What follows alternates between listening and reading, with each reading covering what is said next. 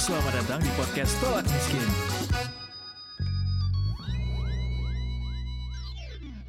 Selamat datang di podcast Solak Miskin Detikers bersama saya Eduardo Simorangkir dan kali ini kita akan ngobrolin soal penerapan satu teknologi yang semakin canggih di jalan tol kita. Jadi seperti kita tahu bersama bahwa belakangan ini ramai dibahas tentang teknologi multi-lane free flow. Mungkin buat yang sudah lama ngikutin tahu ya apa sih sebenarnya multi-lane free flow ini, tapi yang pasti mungkin belum semuanya yang tahu bahwa sebenarnya apa ini dan katanya bakal bisa bikin bayar tol nggak berhenti lagi nanti di gerbang tol. Bahkan katanya gerbang tol itu nggak akan ada lagi di Indonesia. Jadi Indonesia akan menerapkan sistem jalan tol tanpa berhenti dengan sistem multi lane free flow ini atau pembayaran tol tanpa kartu mulai akhir tahun ini katanya. Setelah beberapa kali diundur ya, diundur penerapannya dan penerapan sistem multi lane free flow ini e, nantinya tidak akan membutuhkan gerbang tol lagi Detikers. Transaksi tol ini dilakukan melalui aplikasi apl sebuah aplikasi e, yang namanya Cantas yang bisa diinstal di smartphone kita masing-masing. Jadi lewat teknologi ini waktu antrian nantinya akan menjadi 0 detik atau tanpa berhenti.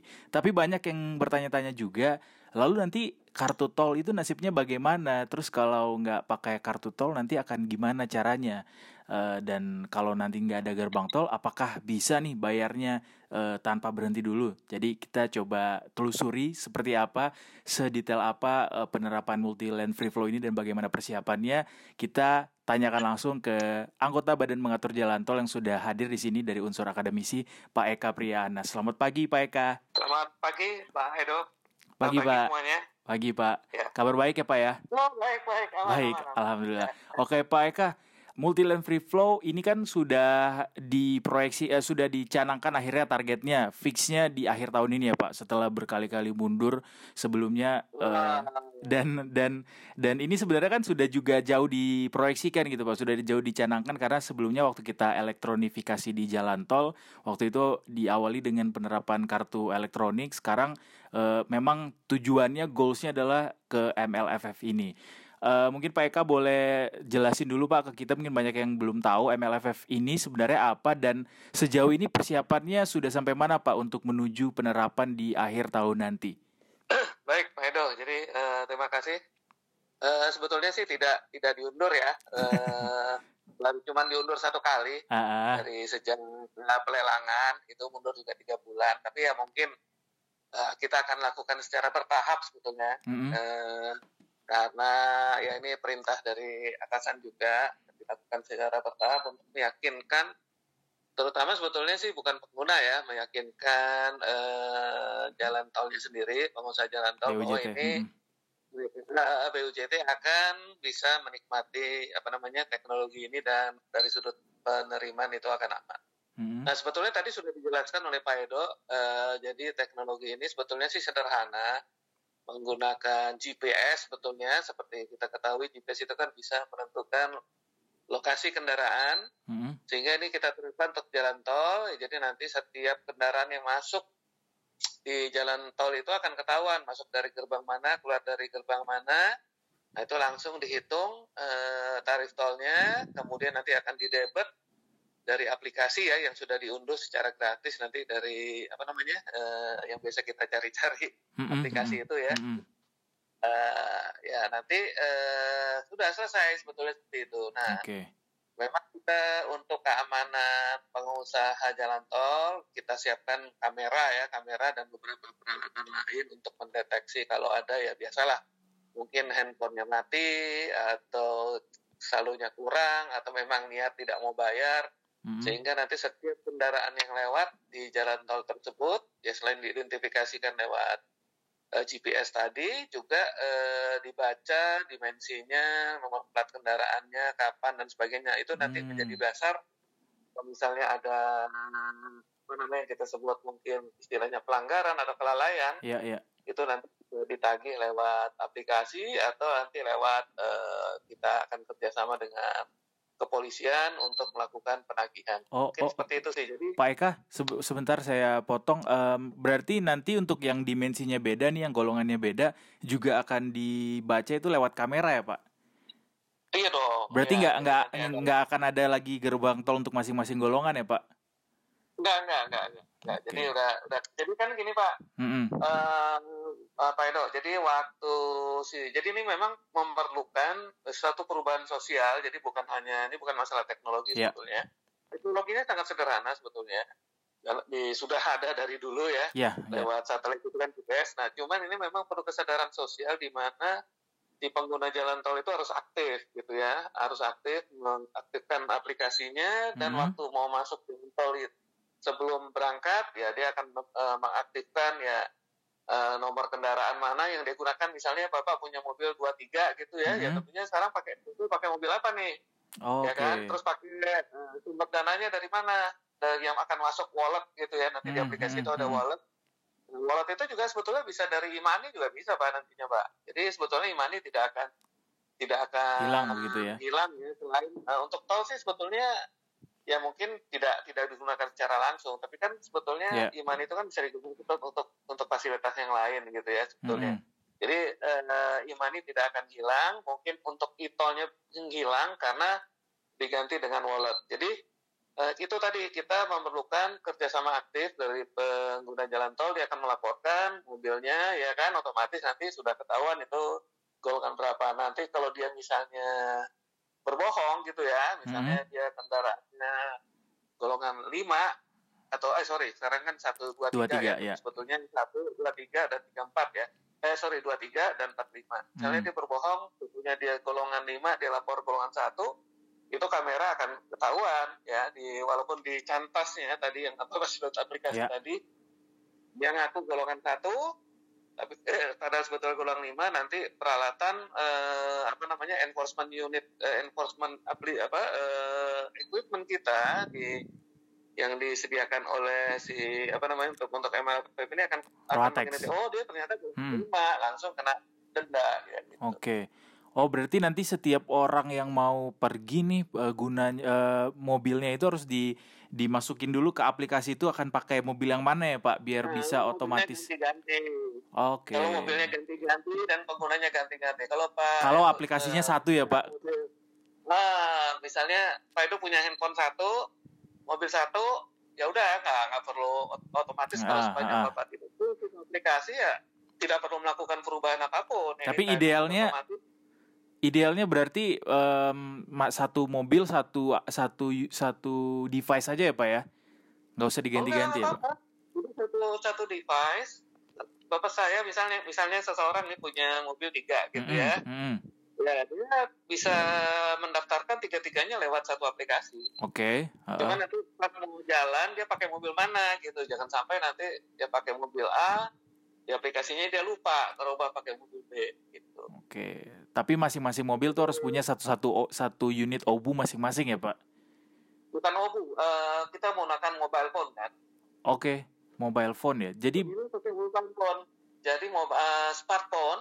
Mm-hmm. Kenapa kita menggunakan smartphone? Karena kita melihat penetrasi smartphone di Indonesia itu okay. ya sudah tinggi sekali ya, mm-hmm. tinggi kan untuk untuk pengguna hampir bahkan yang eh, kelas bawah pun juga kita lihat sudah menggunakan smartphone. Nah, yang hmm. tidak punya smartphone baru nanti eh, obu ya kita bisa kasih gratis ya, misalnya untuk truk, bus gitu ya, okay. taksi ya kan, itu nanti eh, kita akan kasih gratis karena sekarang ini harga obu sudah semakin murah dulu mungkin. Oh, ada program nanti akan dibagikan gratis gitu pak dari BPJT ya pak? Iya, nanti hanya untuk untuk uh, target ini rencananya nih ya untuk yang uh, kita masih belum final pak ya jadi hmm. jangan jangan iya. langsung nanti eksak ini belum final kita tahu pasti pengguna truk mungkin apa supir truk mungkin nggak punya yeah. tapi sebetulnya Magic ini kan punya gitu loh jadi hmm. mungkin ya nanti uh, kita kerjasama lah ya bagaimana menyediakan umum untuk truk bus taksi ya pertama angkutan umum hmm. sama mobil baru nih pak nah mobil baru kita merencanakan itu sebetulnya bagaimana langsung untuk setiap mobil baru sudah termasuk input bukannya obu gitu. Jadi oh. udah lebih gampang kan? Nah terus ada alternatif ketiga juga pak. Jadi selain lewat smartphone ya lewat obu untuk uh, pengguna-pengguna yang ya katakan tidak punya smartphone ya hmm. dan ya, ya, golongan tidak mampu nanti kita bisa bantu gitu ya. Supir supirin loh pak yang kita bantu. Okay. bukan pengusahanya nih.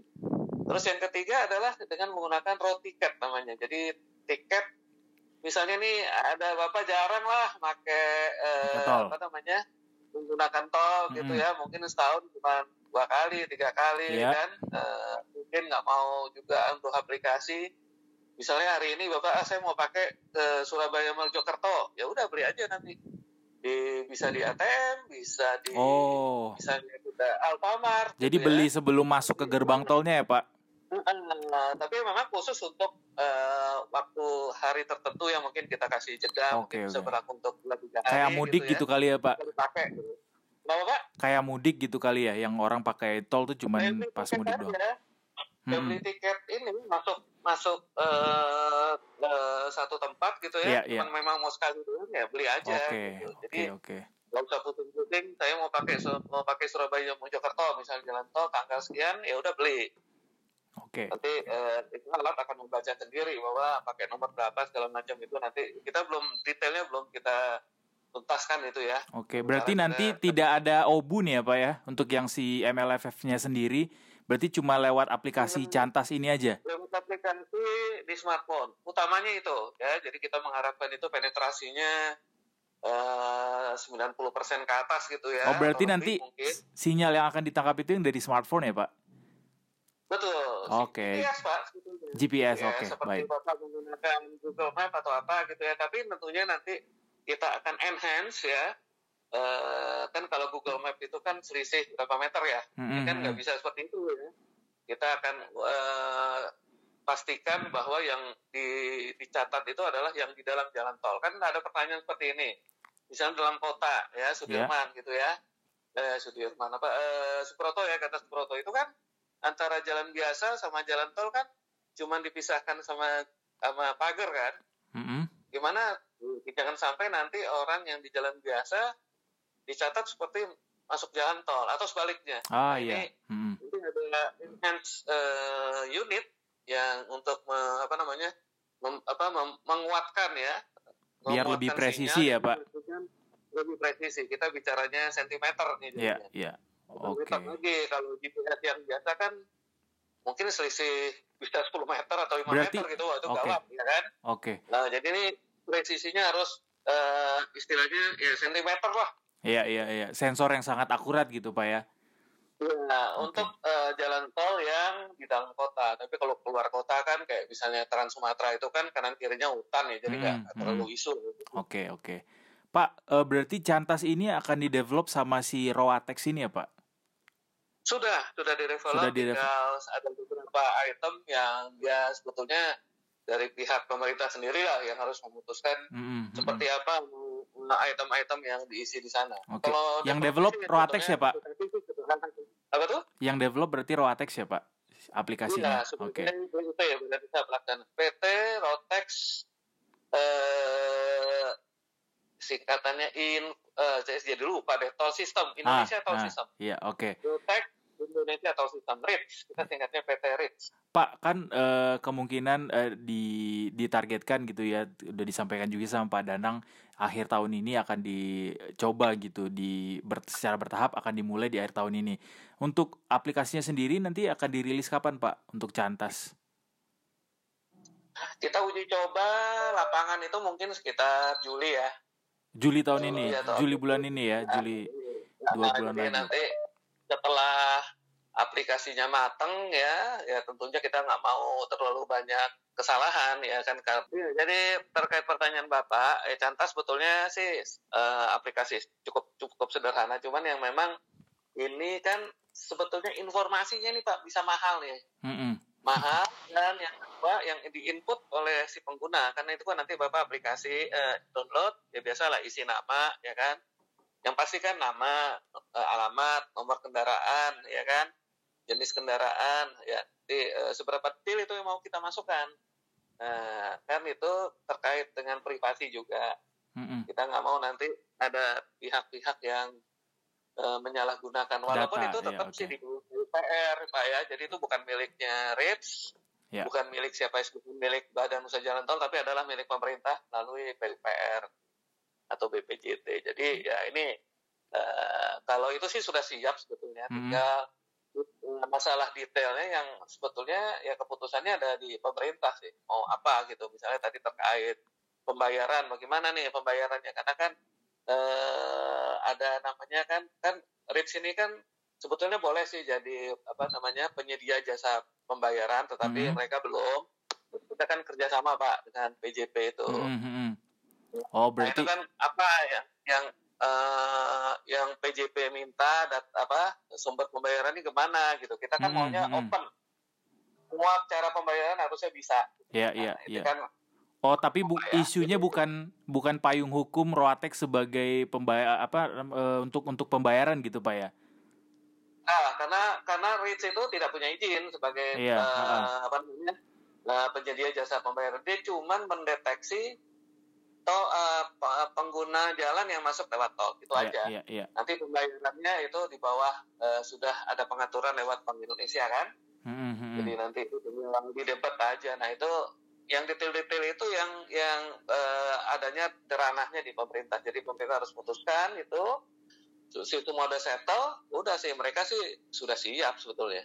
Oke. Okay, kan di, di, di, negara asalnya kan sudah sudah develop pak. Hmm, hmm, berarti kita kita benchmarknya ke mana sih pak kalau untuk sistem yang akan dipakai ini nanti di akhir tahun ini?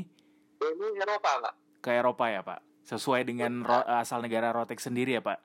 Iya, iya betul. Okay. Karena Rotex itu kan uh, dia kan negara kecil ya, Hungaria. Hmm, Hungaria. Hmm. Tapi itu dilewati uh, antar negara, Pak. Jadi dari okay. Jerman, dari Prancis itu lewat itu ke mana harus bisa baca kan? Oke. Okay. Uh, ke dalam uh, dari Jerman gitu kan. Nah, okay. itu mereka bisa baca, Kak. Jadi itu makanya uh, ya sesuai dengan inilah standar Eropa. Jadi okay. semua kendaraan lewat Hungaria malah mereka lebih lebih complicated bukan hanya hmm. jalan tol hmm. mereka jalan biasa pak okay. dan antar negara nggak bisa dibayangkan lebih antar lebih negara. lebih rumit lah oke okay. lebih rumit Pak Eka, uh, untuk um, berarti nanti di akhir, berarti nanti ini uh, Juli ini akan mulai di di uji coba ya Pak, baru penerapannya nanti. Kan, setiap, setiap alat kan pasti uji coba. Iya, ya. uji coba dulu, uji coba internal apa atau gimana Pak, atau juga langsung ke pengguna? Langsung. Oh langsung ya Pak ya. Di mana Pak uji nah, cobanya yang bulan Juli Pak? Belum diputuskan Pak, tapi mungkin kalau saya mengusulkan di satu tempat yang uh, tidak terlalu banyak apa koneksinya. Jadi misalnya ya, paling ideal tuh di Bali Mandara. Oke. Okay. Bali kan cuma itu tuh tok satu tol kan. Mm -hmm. Sekarang ini ya udah nggak ya, lebih gampang dan orangnya kan lebih tertib ya. Uh, Oke. Okay. Karena trafficnya juga jadi mungkin sih Bali ideal lah untuk dicoba. Bali tapi ya Pak. Nanti, Bukan Jakarta ya Pak. misalnya nih, ini misal nih baru Pak, tapi ya. kita akan dicoba juga di tentunya kalau yang Bali sudah bagus ya kan, hmm. tentunya harus dicoba yang ramai dong. Iya iya. Jadi iya. misalnya ya. di Jiut, di Cikampek, di Jagorawi apa-apa. Oke, uji cobanya di situ. Kalau untuk nanti di akhir tahun penerapannya akan di mana dimulai di awal Pak? Ya yang tadi, yang yang uh, jadi rencana kita lima, lima hmm. uh, tol ya. Nanti uh, setelah itu bertahap sampai uh, secepat mungkin sih. Jadi mungkin di 2023 itu ya kalau saya ya, mereka tentunya maunya lebih cepat makin bagus kan. Betul. Jadi ya, paling selambat lambatnya sih 2023 akhir selesai semua. Tapi kalau bisa lebih cepat ya lebih bagus. Oke. Okay, Kenapa okay. bertahap? Hmm. Tadi untuk memastikan bahwa sistem ini berjalan dengan sangat baik gitu aja sih. Oke, Pak, eh, ini sedikit dong Pak, 2024 nih eh 2024 eh, yang akhir tahun ini berarti 5 tol dan tol ini salah satunya nanti di Jabodetabek juga ya Pak ya? Iya, jadi ini baru rencana ya, belum konkret ya. Iya. Nah, yang pasti uh, Bali Mandara, kemudian Jagorawi, Jakarta Cikampek, uh, dalam kota sama Jor. Oke, oke, oke. Biar disiapin. itu sudah, sudah oh. yang cukup besar besar itu. Iya, oke, okay, oke. Okay. Kalau itu berhasil, lah tempat lain gampang Oke.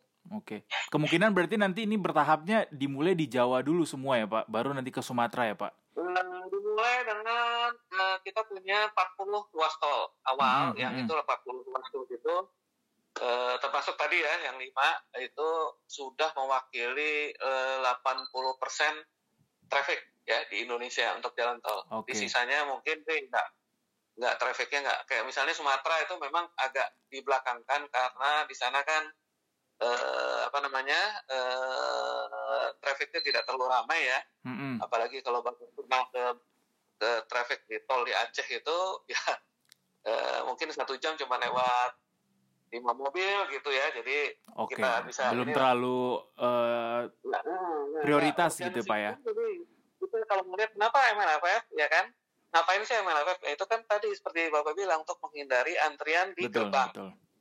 Ya, kalau di gerbangnya nggak ada antrian sebetulnya nggak perlu MLFF gitu kan. hmm. kan nah, jadi ini memang prioritas adalah di ruas-ruas tol yang, yang uh, ramai ya, apa namanya yang padat padat terutama di jam peak hour di gerbang gitu ya. Nah itu kita hapuskan gerbangnya. Jadi bertahap ya nanti e, kalau semuanya sudah lancar ya otomatis gerbang akan diruntuhkan ya. Jadi tidak ada lagi e, jadi seperti bapak masuk ke jalan biasa aja. Nah ini kan hmm. apa e, rawan pelanggaran ya. Makanya tadi kita sangat berharap masyarakat e, kalau sudah menikmati ya bayar dong gitu kan. Jadi yeah.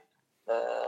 jangan berusaha untuk mengakali sistem itu kan Eh, di negara lain kan sebetulnya gitu. Jadi hmm, hmm. misalnya contoh itu bapak lewat jalan tol nggak apa-apa tanpa bayar dulu ya lewat pakai aplikasi MLF ini.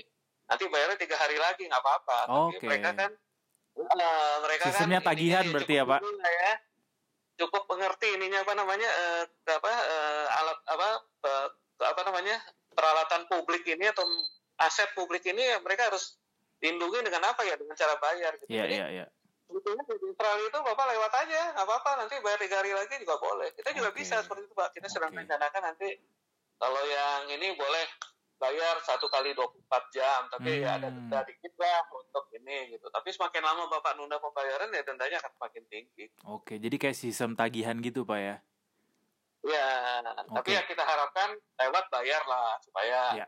nggak usah lagi tagih-tagih lah betul gitu. betul nah ini kan perlu mindset masyarakat itu ya kalau mau enak ya harus didukung juga sistem ini. Jadi ini Betul. memang sebetulnya bukan teknologi pak, ini isu teknologi itu kecil lah, mm-hmm, ya mhm, mungkin mm-hmm. cuma 20 persen. Yang 80 persen itu adalah mindset masyarakat e, menggunakan aplikasi cara benar dan menukung ini aset publik bukan bukan milik pemerintah, milik publik juga ya harus dijaga. Kalau nggak dibayar, yeah. kasihan dong. Kalau yeah. nanti nggak dirawat. Gitu pak. Oke, okay. Pak Eka, Uh, satu lagi juga terkait dampak dari penerapan MLFF ini kan juga tadi Pak Eka sudah sebutkan bahwa efisiensi waktu dan kemudian itu akan juga berpengaruh ke biaya operasional juga pasti Pak ya untuk operator dan juga sumber daya manusia mungkin juga di tol. Itu gimana dampaknya Pak untuk efisiensi biaya operasional dan juga nantinya ketika dulu kan waktu uh, kartu tol uh, dipakai ada isu bahwa banyak uh, eh, SDM yang dikurangi gitu. Kalau misalnya nanti di multiland free flow akan seperti apa, Pak Eka? Uh, ya itu memang namanya otomatisasi. Ya otomatis memang uh, itulah uh, dampak dari mungkin uh, dari teman saya Prof Renal kan juga selalu ngomong kan mm -hmm. ini nanti akan akan banyak uh, apa namanya tenaga kerja terdidik yang mungkin tidak bisa dari kerja karena semuanya sudah digantikan oleh sistem gitu ya Betul. lewat IT dan ya, ini termasuk ini juga. Mm-hmm. Nah memang kita sedang pikirkan eh, tentunya terutama yang paling terdampak itu eh, badan usaha jalan tol yang besar ya contohnya jasa marga pastilah ya mm-hmm. mereka punya ini tentunya harus dipikirkan bagaimana mengalokasikan eh, mereka mungkin nanti eh, membantu untuk memastikan ya tahap-tahap awal memastikan bahwa pelanggaran seminimum mungkin ya. Nah tentunya efisiensi ini eh, kita harapkan memang biaya pengumpulan tol itu tinggal setengah dari yang sekarang. Nah yang setengahnya ini dari efisiensi ini ya tentunya bisa menjadi keuntungan badan usaha jalan tol supaya bisa mereka memperbaiki jalan tol lebih baik dan membangun jalan tol di tempat lain. Gitu. Mm -hmm. Jadi nah, memang tadi betul bapak eh, kita harus pikirkan SDM yang akan terdampak karena kalau dulu uh, dulu pakai perlu satu orang di satu gardu gitu kan toh? Sekarang uh, setelah elektronika elektronifikasi dengan itu mungkin satu orang satu gerbang ya kan? Nanti sedak, sedak kalau gerbang nggak ada ya tidak tidak perlu orang lagi gitu. Yeah. tapi mungkin nanti uh, menggunakan mereka akan melakukan bisa dalam ikut patroli gitu ya atau cara-cara yang lain untuk uh, memastikan. Tapi itu tahap-tahap awal sih kita harapkan nanti setelah masyarakat. Nah itu kan sistem ini kan akan mendeteksi seluruh plat nomor di Indonesia pak. Mm-hmm. jadi orang nggak bisa lari ke mana lagi. Jadi kita lebih mungkin lebih lebih uh, akurat mungkin ya daripada yang dimiliki oleh kepolisian. Kita tahu tentu banyak ada plat nomor palsu. Nah itu nanti dengan uh, artificial intelligence kita bisa tahu nih ada mobil-mobil yang yang platnya palsu dan sebagainya itu nanti dengan big data ya akan terkumpul. Jadi setelah ini berjalan 2 3 tahun mesin mesin pendeteksi ini akan semakin pinter gitu ya. Jadi udah ketahuan. Ya, Orang nggak bisa lari ke mana-mana lagi. Nah ini memang akibatnya tadi ada karyawan yang harus dikurangi. Nah ini tahap-tahap awal mungkin di 2-3 tahun pertama ya bisa membantu untuk uh, apa namanya untuk enforcement lah. Oke. Okay. Enforcement unit. Oke. Okay. Pak, Jadi tujuan seperti itu, Pak. Oke. Okay. Pak, tapi uh, dari dari BPJT sendiri ada imbauan kah bahwa tidak boleh ada PHK atau seperti apa, Pak? Atau kan biasa kalau dulu di waktu elektronifikasi di kartu tol kan uh, eh, SDM-nya dialihkan gitu, ada yang juga di level up skillnya. Nah, kalau misalnya nanti di di MLFF ini, apakah uh, ada imbauan gitu atau mungkin langsung ke perintah dari BPJT kepada BUJT tidak boleh ada PHK atau gimana Pak? Itu tidak bisa ikut terlalu dalam ya, itu campur dalam SDM itu ya tentunya kita mengharapkan tidak ada PHK ya hmm. tapi eh, pasti ada lah ya, pasti ada tentunya harus dicari jalan keluar yang terbaik lah ya. Oke. Okay. Uh, kelihatannya ada beberapa juga yang sebetulnya uh, memang mau berhenti gitu ya, okay, jadi okay. sebetulnya tidak tidak semuanya juga bermasalah gitu. Hmm. Ketika nanti kita cari kan jalan tol kan nambah terus nih pak. Betul betul. Insya Allah ya kan. Nah ini jadi uh, bisa kita alihkan ke ruas-ruas yang lain untuk kegiatan yang lain. Okay. Karena ada pemeliharaan kan masih pak. Hmm, hmm. Operasi dan pemeliharaan kan masih ya. Uh, itu kan banyak luas ya skupnya. Jadi itu mereka bisa pindah ke sana. Oke. Okay. Dan masih ada related bisnis pak. Betul, kita betul. mengembangkan kawasan-kawasan itu bisa mereka bisa masuk. Hmm, hmm, hmm. Oke, uh, Pak, saya konfirmasi sekali lagi. Berarti nanti pengguna jalan ini nggak perlu beli obu ya, Pak ya? Tapi cuma tinggal install aplikasi dan isi data di situ, Pak ya? Betul sekali. Oke. Okay. Itu sambil pokoknya sepanjang bapak punya smartphone, entah Android, entah apa uh, iOS atau Apple ya, eh, mm -hmm. aman udah. Oke. Okay. Nah, kecuali yang nggak punya, barulah kita mungkin bantu dengan obu gitu. Baik. Nah, ini kan biasanya supir truk dan sebagainya gitu ya, supir truk, supir bis, supir taksi, ya tentunya kita akan kerjasama dengan perusahaan-perusahaan seperti itu. Nanti hmm. sama uh, kalau nanti penetrasi berikutnya adalah dengan seluruh mobil baru ke depannya, itu seperti di Eropa dan di beberapa negara lainnya, sudah include pembelian itu include OBU karena OBU sebetulnya juga nggak mahal pak. Oke. Okay. Dulu mungkin satu okay. juta, sekarang mungkin harganya 5 dolar lah paling besar. Oke, okay. baik. Terima kasih banyak Pak Pak Eka sudah mau berbagi ya, informasi ya. Pak. Ditunggu ya, ya Pak informasi selanjutnya. Oke, Siap. terima kasih. Terima kasih Pak Eka. Selamat pagi Pak. Terima kasih sudah mendengarkan podcast Tolak Miskin. Ikut baca dan dengarkan kami terus di detik.com.